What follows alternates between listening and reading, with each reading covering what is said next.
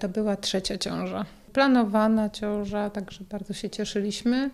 Pani doktor, która zdiagnozowała, powiedziała, że mam usunąć. To nie było na zasadzie, wie pani, niech się pani zastanowi, bo dziecko jest chore, nieuleczalnie chore. To było dla mnie ciężkie przeżycie.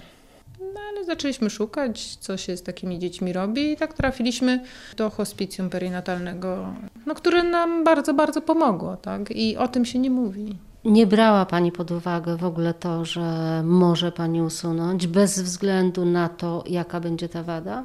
Nie.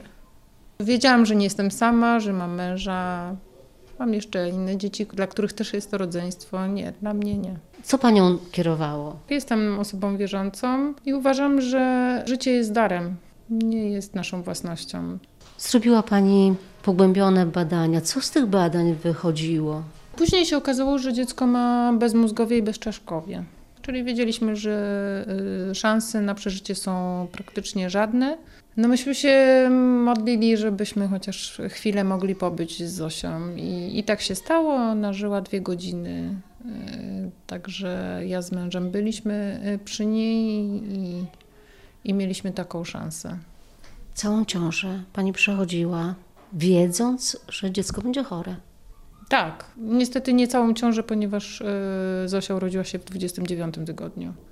Wiele kobiet, myśląc o takim scenariuszu, że właśnie dziecko może być ciężko, śmiertelnie, nieuleczalnie chore, e, boją się, że psychicznie tego nie udźwigną, że nie wytrzymają. Niektóre z nich mówią o depresji, samobójstwie i w ogóle różnych rzeczach bardzo traumatycznych i dramatycznych.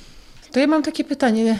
Czy boi się kochać w ogóle dziecko? Dlaczego ja mam dziecko, które jest chore, kochać mniej niż to, które jest zdrowe? To jest moje zadanie być przy tym dziecku i dać mu tyle miłości, ile umiem. Ale na pewno to nie było łatwe. Nie. nie, to znaczy dawać miłość było bardzo łatwe, ale pożegnać się jest trudno. Co Pani pomogło? Na pewno wsparcie innych osób. Dla mnie największym wsparciem to takie wsparcie medyczne. Medyczne, czyli takie, że właśnie będę mogła urodzić na osobnej sali, że, że nie będę musiała być jakiś, gdzieś tam z innymi mamami. Mogłam być z tym dzieckiem, tak? Z moim mężem, że mogliśmy, e, że mieliśmy taką możliwość, że nikt nam nie wziął i nie zabrał i nie powiedział, bo właśnie nie możecie. Bo nie pokażemy Wam, tak? Bo to jest zbyt drastyczny widok na przykład. Na przykład. Mimo wszystko chciała zobaczyć, chciała przytulić. Tak, bardzo. I myślę, że to jest ten lęk, który gdzieś powstał, został stworzony niepotrzebnie, bo potem właśnie jakby większe są złe skutki, jak się nie widzi dziecka, jak się je odetnie, jak się to próbuje schować pod dywan. Myśmy zresztą mieli taką sytuację w rodzinie, tak? Natomiast ta osoba potem bardzo długo to przeżywała.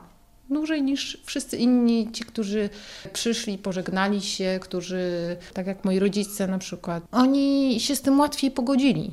Też wiem z innych opowieści, że właśnie mamy potem to takie, jak się mówi, pudełko nawet pamięci, jakieś zdjęcie. Tu nam położna zrobiła odbicie stópek i, i rączek. Tak, to, to jest pomysł położnej. To jest, To jest Zosia? tak.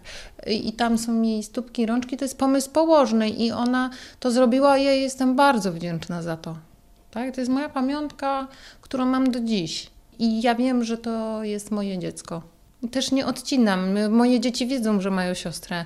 Brat jest młodszy niż e, córka, która zmarła, czyli urodził się dwa lata temu i i on wie, że on ma siostrę.